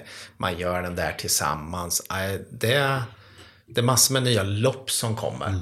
Nya gamla lopp som återstartar igen. Och, äh, det- jag tror att det kommer att finnas ett lopp för alla nivåer. Det I varje det stad. gör det ju Ja, i... ja, ja men, men det ska bli kul att ändå se eh, att man kan arrangera det här lite enkelt. Alltså det är lite enklare, liksom att det ska vara enkelt att göra ett lopp. Vi har ju det. Nästa race är ju faktiskt nu till helgen nere i Malmö. Ja, Så det är ju på Malmö kanal där. just det. Mm. Så det, det är, och det är ju liksom motionslopp och det ingår också i eh, Svenska kuppen heter det väl, eh, tror jag. Just det. Gör det? Ja, jag tror det. Tror du? Nej, det, jag tror det är bara ett glad, glad Mm. Nej, men det, det är race. med i, i det. Eh, Okej. Om det nu heter Svenska cupen. Ja. Ja. Linus skulle, ska ner och Okej. Ja, jag, jag paddlade ju det här Klädesholmen Ja, det. runt hette loppet, men det var inte runt just det i år då, för att det blåste lite mycket. Eh, det var ju otroligt roligt. Det är ju egentligen det enda loppet jag själv har paddlat. Och det är ju min roligaste upplevelse på SUP tror jag. Otro, och gemenskap, alltså det här man ligger och väntar på starten, alla, alla pratar med alla. Folk är lite olika nervösa. Det här var ju också väldigt, för min eh, kapacitet, stökigt vatten och sånt. Just det. Marcus var ju med då också faktiskt och paddlade. Då var man den enda från Kona som var där. Men jag eh, själv var ju också klädd i Konas racingkläder. Jag kunde tyvärr inte leva upp till, eh, till eh, mitt utseende. Men, Alla är välkomna. mm, nej, men det var otroligt roligt att vara med på det loppet. Eh, supertrevligt arrangerat. Och, men bara just att vara med på ett lopp, det gav så otroligt mycket ja, ur alla aspekter faktiskt. Att gör- man lär det, sig ja. jättemycket. Ja. Man eh, lär sig jättemycket om sin egna paddling och man får prata med mycket folk. Gemenskapen som ni säger i, i SUP-världen är ju väldigt fin. Eh, sen, eh, jag vann ju faktiskt, eh, jag blev dragen först, de lottar ut priserna. Så jag blev dragen först i de här priserna de lottar ut. Ja, och finaste skänkte- priset de hade där var ju en uppblåsbar Kona SUP. Ja. Men jag kunde inte med och ta den. ja, det skulle jag ha gjort. Ja, så jag tog inte den utan jag tog ett trevligt presentkort istället på restaurangen där, där vi var. Så eh, Sara, min sambo, frågade efteråt, vann du SUP-brädan eller? Jag bara, nej, nej det gjorde jag inte. Men sen berättade jag för henne ändå. Hon bara, vad fasen tog du inte den för? Och jag bara, men det var inte den modellen du ska ha ändå. Vi, vi, vi köper en annan SUP till dig vid ett senare tillfälle. Och då höll hon väl med om att det var rätt. Ja, nej, men det var ju, det var ju fantastiskt eh, kul att vara med på ett motionslopp och något jag kan rekommendera till alla. Och vi kommer ju göra vårt bästa att arrangera minst lika bra eh, event nästa år. Göte, eller Kungsholmen runt körde vi ju. Kungsholmen Då var ett tufft lopp i år. Det blåste. Kämpigt var det. Ehm, Det hade sina partier med Ja, hade skvalpighet. bra kramp i magen. Men jag fick med mig, alltså, jag fick med mig hela familjen runt. Det tyckte jag var kul. Bara att man kan göra en sån sak. Ja. Köra med familjen. Jag hade med alla utom en av mina döttrar. Men jag hade, nej, jag hade ju bara en dotter med en måg. Men vi var fyra stycken, jag och min fru. Och vi chillade runt där och hade ett lite skönt. Jättekul. Och jag, har- jag hoppas ju att kunna, kunna vinna över min svärfar i något lopp nästa år kanske. Ja, han har ju varit här och han kör ju också på investerat. Konabräda. Ja, Just det. Kul. Eh, nu bor han ju så mycket bättre än mig så han suppar ju mycket mer än mig så vi får se. Men eh, det är mitt mål i alla fall att, att, att få vinna. Nej, ett lopp som man måste flagga för. Det var ju ett lopp som inte vi var med på i år själva. Vi fick inte riktigt ihop det. Det är ju Paris Crossing eller Paris Nautic. Nautic paddle. Och det var väl tusen knappt. Ja, det är ju vad, det är maxgränsen. Ja, så att tusen, så- Det lottas ju platserna. Tusen deltagare. Ja. Otroligt. Det var ju Hur mest- många var det på, på Kungsholmen? Det Var var, det 70 kanske? 70-80 pers tror jag. Mm, Någonting sånt. Det var, det var ju ganska tufft i år. Och, eh, ja, det var framförallt när vi vände, vart det sidvind. Ja, det var ju då det var tufft. där var det ju riktigt eh, choppigt vatten. Det var krabbsjö. Så att där, där, fick man, där blev man trött i benen så kan jag säga. Jag, jag hade ju planerat för en viss bräda, men sen vet du, alla skulle vara med där. Det var ingen bräda över till mig. Jag fick ta det smalaste. ja, Ja, men det, det, så var det en utmaning. Just det. Men ni har varit på det här Parisloppet tidigare vet Ja. jag. Ja, vi var på tioårsjubileet där 2019 va? Mm. Måste det ha varit, ja. Och det var innan pandemin. Sen var det nog inställt både förra och förr. Nej, förra året var det ju. Men året innan 2020 så var det nog inställt. Ja. Men där kunde man ju se Kasper, han körde ju med sin tjej liksom. Mm. Han ska väl, eh, han har befriat och... Hon är förlovad nu. Så Ja, förlovad. tog den lite som en... Ja. Just det. Just det. Ja. Eh, ett, ett annat race där, så vi pratade om det förut, just där SM då i, i Falken, men det är ju Skrea eh, Paddle Race. Just det. Eh, ny, I havet. ny aktör, Falkenbergs uppklubb där, som gjorde ett jättebra event också. Mm. Det blir SM nästa år. Nästa år så blir det SM i teknisk distans och distans. Och SM i teknisk sprint blir under SM-veckan i Linköping. Så det, det. blir tv-sänt då. Det ska Motala SUP-klubb hålla i. Ja, och det är andra juli. Och det, ja precis, tv-sänt. Eh, Vi ska väl engagera oss och hjälpa till en hel del allihopa här. Men det som är roligt med det loppet är ju att det är den här eh, unika tvåsidiga banan. Som man kan köra, liksom, det går att köra om. Och det kommer vara, det är kul, det är precis som en teknisk sprint i längdåkningen. Man kör en prolog, tidskvalar. Och sen så delas man in i hit. Och sen går man en serie och till slut Kvartsfinal, man. sen semifinaler och final. Just det. Och SM-veckan, det, det är öppet för alla att vara med liksom. Ja, det är, uppe, det är ju närmare 50 olika idrotter som kör sina SM just under den Men vad veckan. hade vi som max? 60? Max... Ja, till prolo- prologen? Nej. Nej, nej, nej, det finns ingen gräns. Nej, det, det, det, är, det är max, nu tror jag att det är max 50 sporter som får vara med. Mhm. Så att man blir, man blir utvald för att få vara med. Så det är inte alla sporter som får vara med. Nej, Nej, men sen eh, en annan grej som var ju roligt i år. Det var ju, ja det får man ju säga, det är väl sviter än, men det var ju att hela racingteamet körde hela Viskan. Just ja, det. just det. Mm. det 10 är- mil på två dagar. Det är ju... mm, Nej, vi hade ett läger i slutet av april förra året. Jag kommer, var- ihåg, jag kommer ihåg detta. Det, är, ehm, nej, det, det var ju riktigt häftigt. För vi visste ju inte... Det fanns väldigt knapphändig information hur mycket som gick att paddla av sträckan. Då. Just det. Men eh, vi startade upp i Öresjö norr om Borås och eh, Hade både medvind och medströms eh, större delen. Ja. att vi fick emot sidvind på sista milen då, men innan dess så var det riktigt bra. Och nu finns det en mycket mer utförlig beskrivning av den sträckan också mot vad det gjorde innan ni paddlade nu är, finns det en väldigt detaljerad beskrivning. Magnus har skrivit ett dokument. Vi, vi kunde inte publicera, det var för långt. Eh, Men våran, eh, våran content manager kom att titta på det här och se hur vi kan släppa det i fragment. Precis. Eh, Men det är ganska kul den här artikeln för det är väldigt mycket kunskapsbaserade artiklar i artikeln. Roligt. Och det är det som är roligt med Magnus, att han, han, vill ju, han vill ju neråt, han vill ju veta mer. Och det är en bra egenskap. Det är därför vi når längre fram. Till viss del. Sen ibland så får man ju sparka på något good enough liksom. Men eh, jag, jag, gillar, jag gillar människor Det som är därför man är ett team väl? Mange, ja, men jag gillar människor som är annorlunda. Och du är annorlunda. Tack. Ja men det är roligt, ni hade ju en övernattning också på Viskanpaddlingen Ja, va? Jag, jag nämnde ju för min, eh, min andra poddkollega Jonas, Jonas Kolting som jag också gör podcast med. Att, eh, och som också är väldigt suppbiten. Jag Mm. känner faktiskt ingen som paddlar så mycket supp på sommaren som han. Så nämnde jag för honom den här Eleven City Tour heter den va? I, i Holland. ja, ja. Och han blev ju eld och lågor och tyckte att den måste vi verkligen köra. Är det non-stop tillsammans. han tänker på eller? Nej, eh, jag berättade att man bor på båt och såna Mm. här grejer. Och han älskar ju äventyr. Han har ju bland annat simmat runt Gotland. Och så han gillar ju äventyrsidrottande. Mm. Eh, så att han gick ju igång otroligt på den idén. Man paddlar ju genom kanalerna i Ja, ja, ni vet det bättre än mig, men eh, man paddlar i fem dagar, tror jag, något sånt va? Mm. Ja. Mm. Och man bor på kanalbåtar som följer loppet och jättemycket publik längs vissa sträckor har jag förstått det som.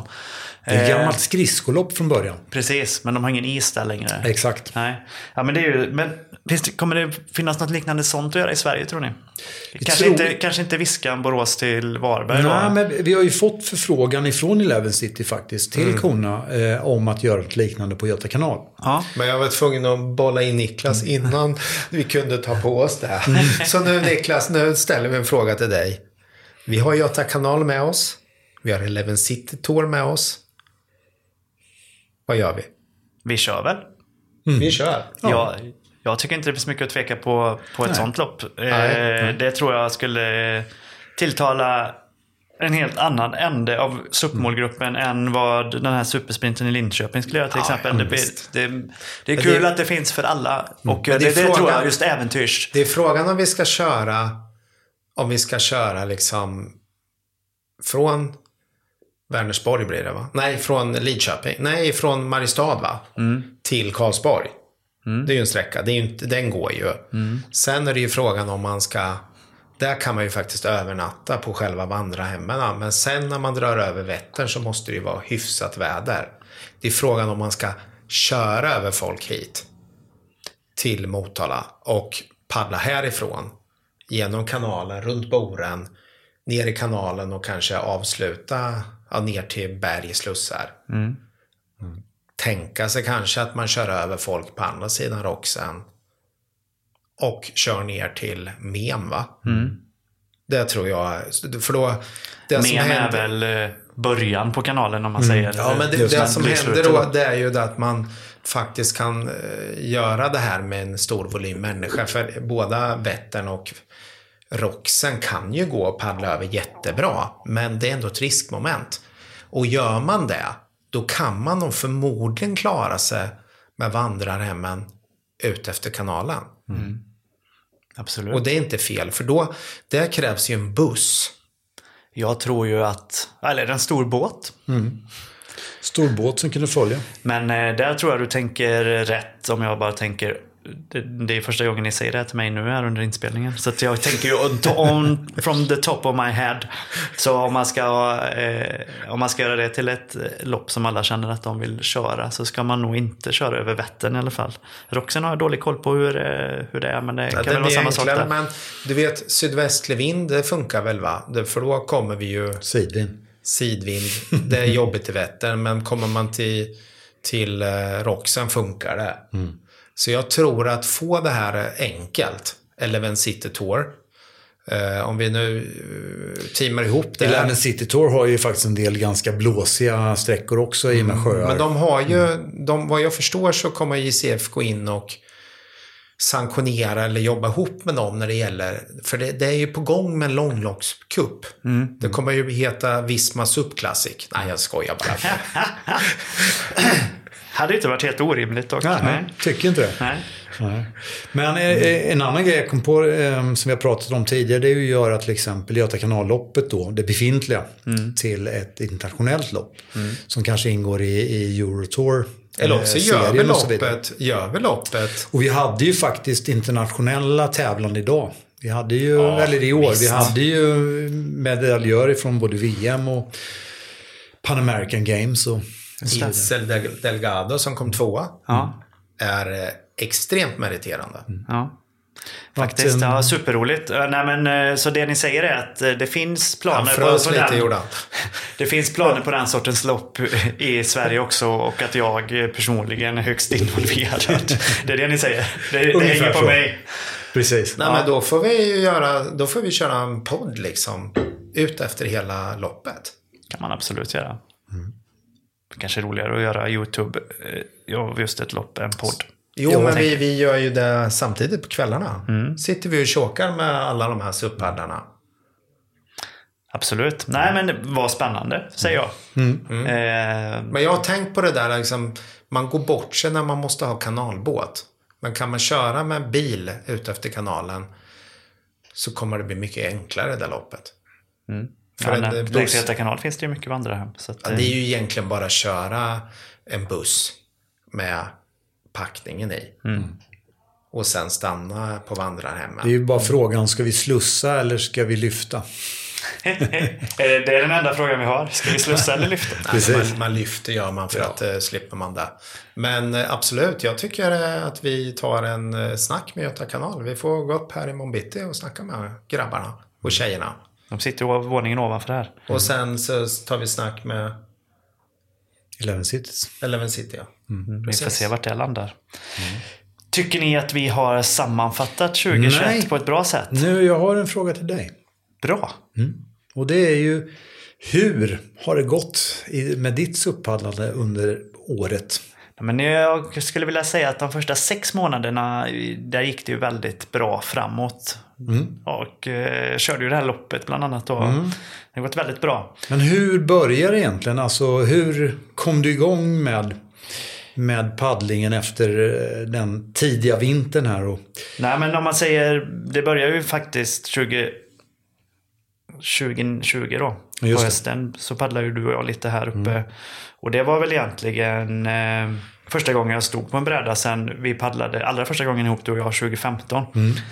Eh, och sen var jag här uppe i januari, då körde vi en hel del paddling i januari här. Vilket jag nu Bland is inte förstår hur vi löste egentligen. I kolmörker med dyningar runt bojarna här ute. Och sex, minus sex i luften. Det vet jag inte ens varför jag gjorde, men det gick ju bra. Det gjorde det. Mm. Och sen eh, fortsatte faktiskt under våren hemma. Jag paddlade ganska mycket när- medan det fortfarande var kallt ute i de småsjöarna runt där jag bor. Eh, och ja, Jag paddlade på flera gånger i veckan. Och det höll väl i sig. Hur har det sett ut liksom med, med eh, alltså hur, hur går du tillväga när du kör ett, ett pass på SUP? Släng dem på taket. Ja, jag, jag, ner, jag får kör. slänga den på taket på bilen då i mitt fall. För jag bor inte så nära en sjö så att jag kan eh, gå dit. Nej. Så att det är ju, jag behöver ju ha bilen då.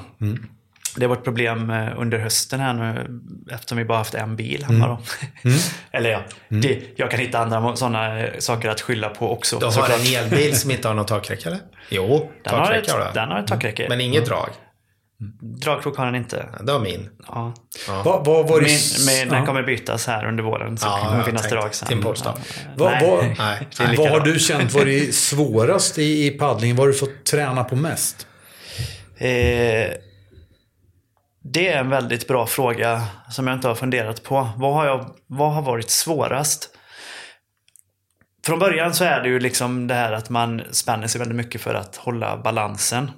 Eh, jag fick ju låna en bräda här från korna först som var en 24 tum bred. Sen eh, köpte jag min egna 22 tum bred och tyckte att det var en väldig skillnad i stabilitet de första passen. Eh, dock förvånad över hur snabbt man vande sig vid att det faktiskt inte kändes som någon skillnad alls. Eh, så i början är det ju det, att liksom och speciellt när det är kallt ute mm. spänner man sig ännu mer för man vill, vill ju i, faktiskt inte trilla i vattnet om man, om man inte behöver. Men sen eh, när man får till, man blir liksom eh, ganska fort och det tycker jag man kunde märka från ett pass till ett annat att balansen Oj vad, vad bekväm jag kände mig på brädan nu. Mm. Jag kände mig så otroligt trygg på att stå på den. Mm. Eh, och det kom mycket under sommaren när det var varmt i vattnet för då kunde jag börja träna mycket på att hoppa fram på brädan, hoppa bak på brädan, köra runt bojar. Då kommer ju den här tryggheten i balansen eh, av sig självt. När Just. man inte är rädd för att trilla i. Mm. När det är så varmt så det kanske till och med är gött att trilla i mm. lite. Men, det kan det vara. Ja. Men då kommer man ju till de riktiga svårigheterna istället i paddlingen och det är ju tekniken. Hur ska jag stå? Hur ska jag göra med frekvensen? Var ska jag hålla på paddeln? Hur lång ska jag göra paddeln? Mm. Eh, man börjar fundera mycket, mycket, mycket på tekniken när man har funnit den här tryggheten på brädan. Just det. Och, eh, och det är ju jättesvårt om man är själv. Nu mm. har jag ju det väldigt lyxigt i paddling. Jag skulle ju till exempel kunna ringa dig vilken dag som helst och fråga bara hur ska jag tänka här? Och, och det är som Joakim säger med kunskapen i, i SUP man har ju inte den om man är själv. Man kan testa jättemycket mm. själv också och känna vad som känns bra. Mm. Eh, kolla sin puls och sin tid på en viss sträcka. Man paddlar på olika mm. sätt. Så man kan testa jättemycket själv. Mm. Men man kan ändå i de flesta fall tror jag känna sig ganska ensam i det. Om man mm. inte har någonstans att fråga eller någonting att spegla sig mot. Eh, så det är nog det jag har kämpat mest med efter det. Eh, faktiskt. Och vad, vad har du utvecklat, eller vad, vad har, hur har du utvecklats eh, mest då tycker du? Eh, ja, nej men det är nog mer det här att bli trygg på, på brädan helt enkelt. Och mm. att eh, våga ge mig ut lite längre pass, mm. paddla längre ut och sånt. Alltså, mm. Det har varit väldigt kul. Att paddla ut, vi har ganska stora sjöar hemma också. Och när det har mm. blåst mycket att jag kan paddla i både sidvind och eh, motvind och framförallt medvind. Ja. Det är otroligt eh, roligt och givande när man eh, får sticka ut och känna sig trygg på brädan och att man kan koncentrera sig på, på de mm. grejerna också. För att man kan paddla motvind och vända, paddla med vågorna Känner du dig fullt trygg i, i, att ge dig ut i, i de flesta förhållanden nu då? Eller? Det beror ju på hur man definierar de flesta förhållanden. Ja, men nej, de flesta men, förhållanden på en svensk insjö liksom. som mm. inte är storm mm. känner mig absolut mm. bekväm i. Mm. Men det kanske också har mycket att göra med de här första passen i januari när jag var med dig ute i, i gattet här utanför Motala, i dyningarna i mm. kolmörker. Eh, ju mer eh, sådana situationer man hanterar, desto tryggare blir man. Mm. Det gäller ju allt, så inte bara SUP, mm. tänker jag. Mm. Så att, nej, men jag känner mig jättetrygg att ge mig ut själv på brädan. Alltså, de passen jag har paddlat när det blåser mycket, då kör jag med hörlurarna i från telefonen och lyssnar på musik och sådana här saker mm. också. Och det är ju sådana här små hörlurar som man bara ploppar i, ja, som de försvinner ju om de trillar ja, i vattnet. Precis. Men jag känner mig så trygg att jag vågar ha dem i. Ja. Eh. För ett svettband, som eh, du vet, eh, Dali-band. Ja, just det. men men hur, hur många dopp brukar det bli per pass då?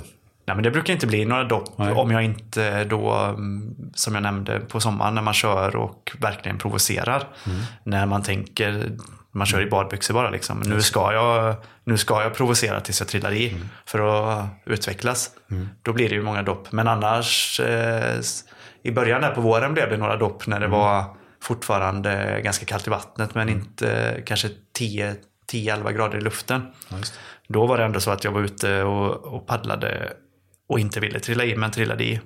Mm. Men det var ju inte några större problem. Så att, nej, nu är jag väl ganska... Vill jag inte trilla i så trillar jag inte i. Nej. Så känner jag. Så det kan ju naturligtvis hända ändå. Men, mm. men generellt sett är det så. Nej, jag trillar inte i.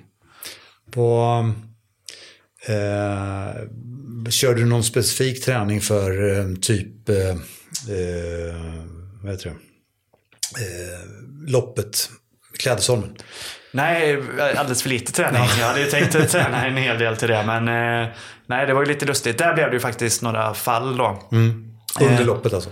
Ett fall under loppet och Mm. eh, i alla fall fyra fall innan loppet. Eh, för Mm. På? Klädesholmen där, eh, parkeringen låg ju på ena sidan kanalen Mm. och sen eh, restaurangen där starten och allting var, var ju på andra sidan kanalen. Mm. Eller den farleden som går där egentligen som jag tror kallas havets E6. Det är väldigt mycket Ja, båtar. ja. Mm. Väldigt, väldigt mycket båtar. Och då ska man ju liksom lägga i brädan där vid parkeringen så ska man paddla över till andra sidan. Mm. Och stå, ganska höga vågor, ganska mycket båtar, så vågor från alla håll faktiskt. Mm, Och stå där och för, får man stå still lite och vänta på en del båtar ibland. Mm. Och sen ska man paddla ut och så är det ju vågor, ganska stora svall från en del norska eh, sådana lyxkryssare. eh, så då, eh, ja, jag väntade på någon båt där då när jag skulle över första gången. Så tänkte jag, ja nu kan jag paddla då. Och så trillade jag ju nästan direkt så att han fick ju slå i på backen här norrmannen. Så han satt ju bara och tittade på mig och skakade på huvudet medan jag klättrade på och paddlade vidare. Jag har inte riktigt fått in det här att, eh, att om det blir stökigt och så så kan man ju sätta sig ner på knä för att undvika en sån situation. Det sitter inte i ryggraden på mig för att jag brukar inte vara i den Vad kallar du situationen. det där? Knä. SD-paddlare. SD-paddlare.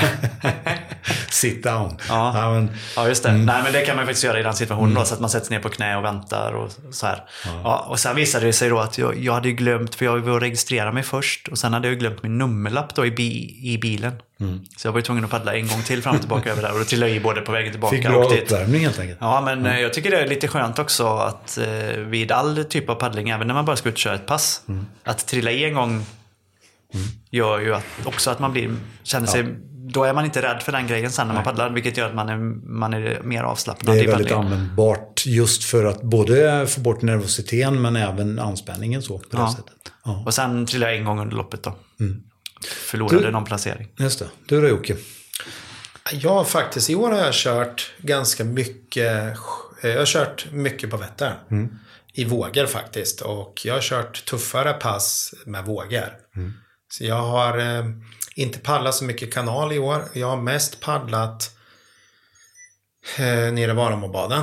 Runt CTV-tornet som vi säger, det är ett torpedtorn. Man skjuter torpeder där så man får snabb runt. Eller jag har paddlat ut till Sandön. Det eh, har vi gjort några gånger allihopa, ett gäng. Man kan tro att det är en torped, men det är Jocke. Ja, okej. Eh, Så jag har faktiskt kört mycket sånt. Jag har varit på västkusten och då har det varit lite mer skärgård men även ute i vågorna. Så jag har faktiskt paddlat mycket mer vågor. Och det är lite ett mission jag har nu framöver att paddla mer vågor. Så jag, Det är kul. Och det är en, om, liksom, för mig har det varit en eh, att bryta lite. Eh, och sen har det ju varit en pandemi så vi har ju liksom naturligt, liksom just in time eh, fått paddlat. Och jag kan paddla nu i och med att jag bor som jag gör. För mig tar det det tar fem minuter att stå på brädan. Och så jag har faktiskt testat en hel del prototyper i vågorna också. Ja. Har jag gjort. Gjorda Eh. för vågkörning eller? Lite mer eh, har jag gjort. Eh, Magnus också. Vi har varit mycket och kört sånt. Mycket liksom behind the scene paddling. Jag har inte varit med på era downwinder då, eh, som ni kör då. 15 kilometer ifrån Vadstena och hit. Eh, nej, men så det har jag gjort. Jag har, jag har varvat det med cykel och, och eh, lite andra aktiviteter. Men eh, ja, det har varit en lagom balans. Jag, det känns bra i ryggen och alltihopa sådär så. Jag tror faktiskt att jag blivit bättre i vågor i år. Så känns det. Det kan ju vara bra om det blir liknande på Kungsholmen nästa år. Mm, Men sam, samtidigt har man ju sviten av covid. Det måste jag säga. Jag har det lite i lungorna än. Men, men jag kämpar på. Förhoppningsvis så ska det väl komma tillbaka till normala eh, nivåer igen. Vad, du då Niklas, vad ska jag säga, vad har du för erfarenheter ifrån eh, din utveckling när det gäller SUP det här året då? Vad skulle du kunna ge till andra i det här fallet? Ja, det är ju också en väldigt bra fråga. Men eh, ge till andra. Jag, jag skulle ju kunna, eh, om någon vill, ge en basic eh, förklaring på den här Nordic Stroke-tekniken. Eh, jag skulle kunna pusha dem att, eh, att eh, våga paddla på brädor som kanske känns instabila från början. Just Eh, skulle kunna ge lite sådana tips till exempel som att det är bra att trilla i. Eh, och lite sådana här övningar att eh, suppa runt eh, bojar och liknande. Nej, men jag tror att eh, jag skulle kunna ge lite instruktioner om någon s- skulle vilja höra. Jag brukar ge lite till Jonas när vi är ute och paddlar också. Ja, det är bra. Han vill ju inte gärna lyssna, men, men jag försöker ändå eh, ge honom lite tips, eller hinta om tips. Kanske bästa sättet är att, att paddla om man. Ja, Då kanske han lyssnar. ja eh, han fick faktiskt prova min eh, bräda vid ett tillfälle vi var ute. Då. Han har ju en, eh, en betydligt större och äldre bräda. Ja, Betydligt mer volym. Ja, och han tyckte nog den var lite vinglig då. Eh, Då ville han inte att jag skulle ligga framför honom och göra de här små svallen. Det tyckte han blev instabilt. Men, eh, och det kan man ju tycka att det blir faktiskt när man är så ny på en bräda.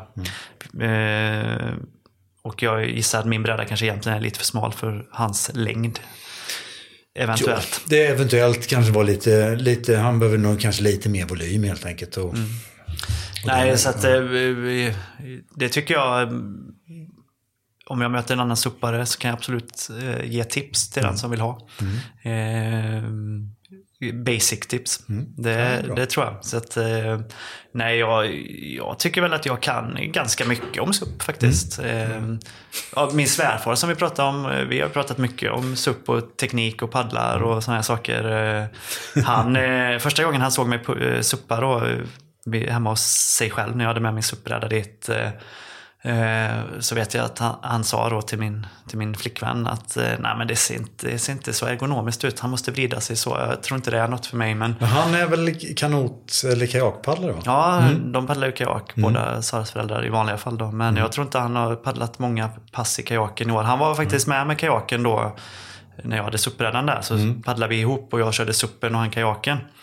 Och då märkte han ju att det gick lika fort på SUPen som i kajaken. Ja, det. Ja, så testade han ju min bräda ganska mycket då innan han bestämde sig för att köpa en egen. Men han är väl det man brukar kalla för såld på SUP faktiskt. Man blir ju lätt det. Ja, och eh, han var ganska skeptisk från början då. Eh, Så det, det kanske man också kan ge någon då att eh, man kan, eh, man kan förklara vad SUP är och vad det kan ge en, en individ som kanske är skeptisk till det från början. Jo, men med små liksom förklaringar i teorin hur man håller paddeln, hur man paddlar, gör ju att man paddlar rakare snabbt. Så vi har ju väldigt mycket människor som kommer hit som faktiskt paddlar men har inte haft en aning om hur man paddlar. Nej. Nej. Så eh, vi jobbar ju på att få ut den typen av eh, media under våren. Eh, det är ju så vi, vi, vi har ambitionen. Och det är väl kanske inte så konstigt att, att det är precis som man, ens egen utveckling. Alltså, det är ju trial and error hela tiden. Och det, jag menar, det är också stimulerande att faktiskt komma på de här sakerna själv. Men så att det är ju inte fel att börja Du själv kommer, heller. du Nej, kommer ju gå igenom tydliga nivåer. Jo, men så var det ju för mig också. Jag ville ju börja själv. Ja. Du gav ju mig väldigt få pointers i början. Och så gillar jag och många andra tror jag att börja med en sak. Man vill testa själv först. Sen när man liksom, ja men nu har jag en bild av vad det här är. Nu kan jag ta in information om hur det ska göras. Just det. Så det tror jag är, det är viktigt att man får utforska själv. Och speciellt i början. Eh, det- Och kanske också är viktigt då att man, man faktiskt tar sig eh, tid att prova utan att kunna. För att förstå eh, snabbare kanske vad, vad det innebär. Det tror jag. Verkligen. Ja, nej, jag ser fram emot när jag kan köpa en liten barnsupp här från korna och ge till min, till min dotter och få se henne Ja, men lära sig det första, här. första kan ju faktiskt vara att hon är med där framme. Kanske är redan. Ja, hon gillar att sitta på suppen. Hon, eh, hon är ju otro, hon är, är ju strax över två och ett halvt nu. Och eh, supp var ett av de första orden hon lärde sig. Men det är väldigt roligt när... Eh, det är väldigt roligt Men när... var det innan ni hade suppbräda? Nej, nej. nej vi hade ju SUP-bräda då, men det var väldigt kul för Jonas har ju alltid sin SUP på taket på bilen och den är ju röd. Och eh, så fort man körde i stan och man såg den bilen, Jonas SUP. Just Och sen någon gång kom han utan suppen på taket. Och hon bara, ingen SUP. ingen SUP. Så hon är väl väldigt så här medveten om att SUP existerar faktiskt. Ja, Eh. Så att hon, hon är ju intresserad så. Men eh, sen om hon faller för det, det får man ju se i framtiden. Men, eh, och det, där, jag, där är ju det ännu tydligare. På ett barn som lär sig någonting. De lär ju sig så otroligt mycket fortare. Än- Vi släpper faktiskt i dagarna brädor, de, det är lite äldre, men vi släpper faktiskt uppblåsbara brädor som är bra för konditionsträning för mycket yngre människor. Då pratar vi åtta år upp till kanske 13-14 blir det. Och det är brädor faktiskt, uppblåsbara brädor som har precis samma, liksom, om man tittar på samma performance som våra racebrädor, alltså våra uppblåsbara racebrädor kommer ha samma. Och det och blir det har vi ju... jobbat länge med. Den släpper vi faktiskt säkert i dagarna nu. Mm. På nätet. Eller på nätet som man kan köpa. Men vi har redan eh, liksom, stora samarbeten där vi, vi ser att man kan utveckla ungdomar. Mm. Kul, det får mig att tänka på en annan, ett annat tillfälle i somras faktiskt. När jag var i Varberg. Eh, min eh, bror och hans familj har sommarstuga där. Så jag var nere hos dem och hälsade på. Då tog jag med suppen. Det var, alltså, det var så mycket suppbrädor på stranden. Det var så mycket suppar i vattnet. Och det, den här dagen var det ganska höga vågor. Och eh, min bror har ju två barn som är eh, ja, 10 och 15 ungefär. Eh, och båda var ju superintresserade av att eh, sticka ut och testa suppen. Så de hängde ju med ut i vågorna och testade båda två. Och grabben där som är 10, han kanske är 11.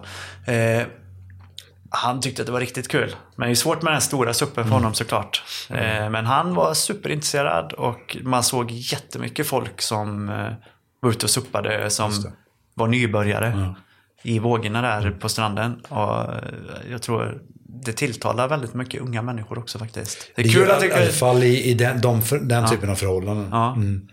Verkligen. Det Ja, super. eh, Det är kul att se. Och det är ju en del i det här det är ju att, att man inom ICF, då, kanotförbundet, där har beslutat att för juniorer så är det upplösbara brädor som gäller. Då. Ja, det är så. Delvis för att de är mycket billigare att Ja, och sen är det, ju, det var ju kul i Ungern för att där var det ju Alltså nu med den här typen av produkt skulle man faktiskt kunna ta med tio ungdomar som får vara med och börja. Och det tycker jag, om man skickar ut något till ICF eller Svenska Kanotförbundet så tycker jag sk- skjut in resurser här och ta med ungdomar. För eh, det här kommer ju vara en framtidens sport. Det är ju en väldigt dynamisk sport som man aldrig blir fullärd i. Och den är ju oerhört, alltså varför de här förbunden har slagit sånt upp är ju för att den är så fruktansvärt tillgänglig. Arenan är ju nästan gratis. Finns det bara vatten så kan du köra tävlingarna på den. I, när man tar till exempel en kanotstadion kostar ju hundratals miljoner att bygga för att det ska ha rätt förutsättningar. Ja, i alla fall ett par miljoner.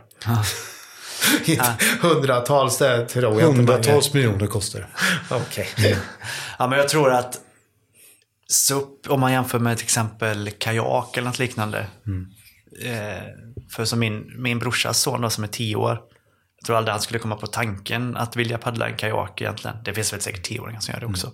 Men SUP blir han genast intresserad av när han ser det. Jag tror att det är, det är en, en eh, mycket mer tillgänglig sport för ungdomar än vad de andra paddelsporterna är faktiskt. Ja, vad kul. Och det är lite det vi har sett också just när det gäller vinterpaddlingen då.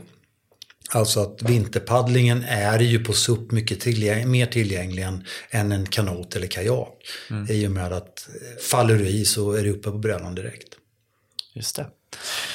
Nu då Magnus, känner du att vi har gått igenom 2021 tillräckligt nu? Vi har inte frågat dig hur du har utvecklats eller vad du har tyckt har varit så svårt. Men det kanske vi kommer till i det här avsnittet med mycket tester och sånt som har skett under året. Jag tror du får berätta i det avsnittet hur din utveckling har sett ut under 2021. Det blir nog Är bra det okej? Det är helt okej. Ja. Joakim, har du något du vill tillägga innan vi slutar den här återblicken och lilla framtidsspaningen då? Nej, men jag skulle säga kul att vara tillbaks. Oh, alltid kul att vara i Motala. Ja. Jag blir glad när jag Jo, men det svänger är av kul att vara motorvägen. igång igen. Nu är det lite mer tid på vintern. eh, Nya avsnitt. Ja, snart är vi i januari. Då är det ny säsong. Det ska bli kul. Då börjar vi vädra vårdagjämning och säsong.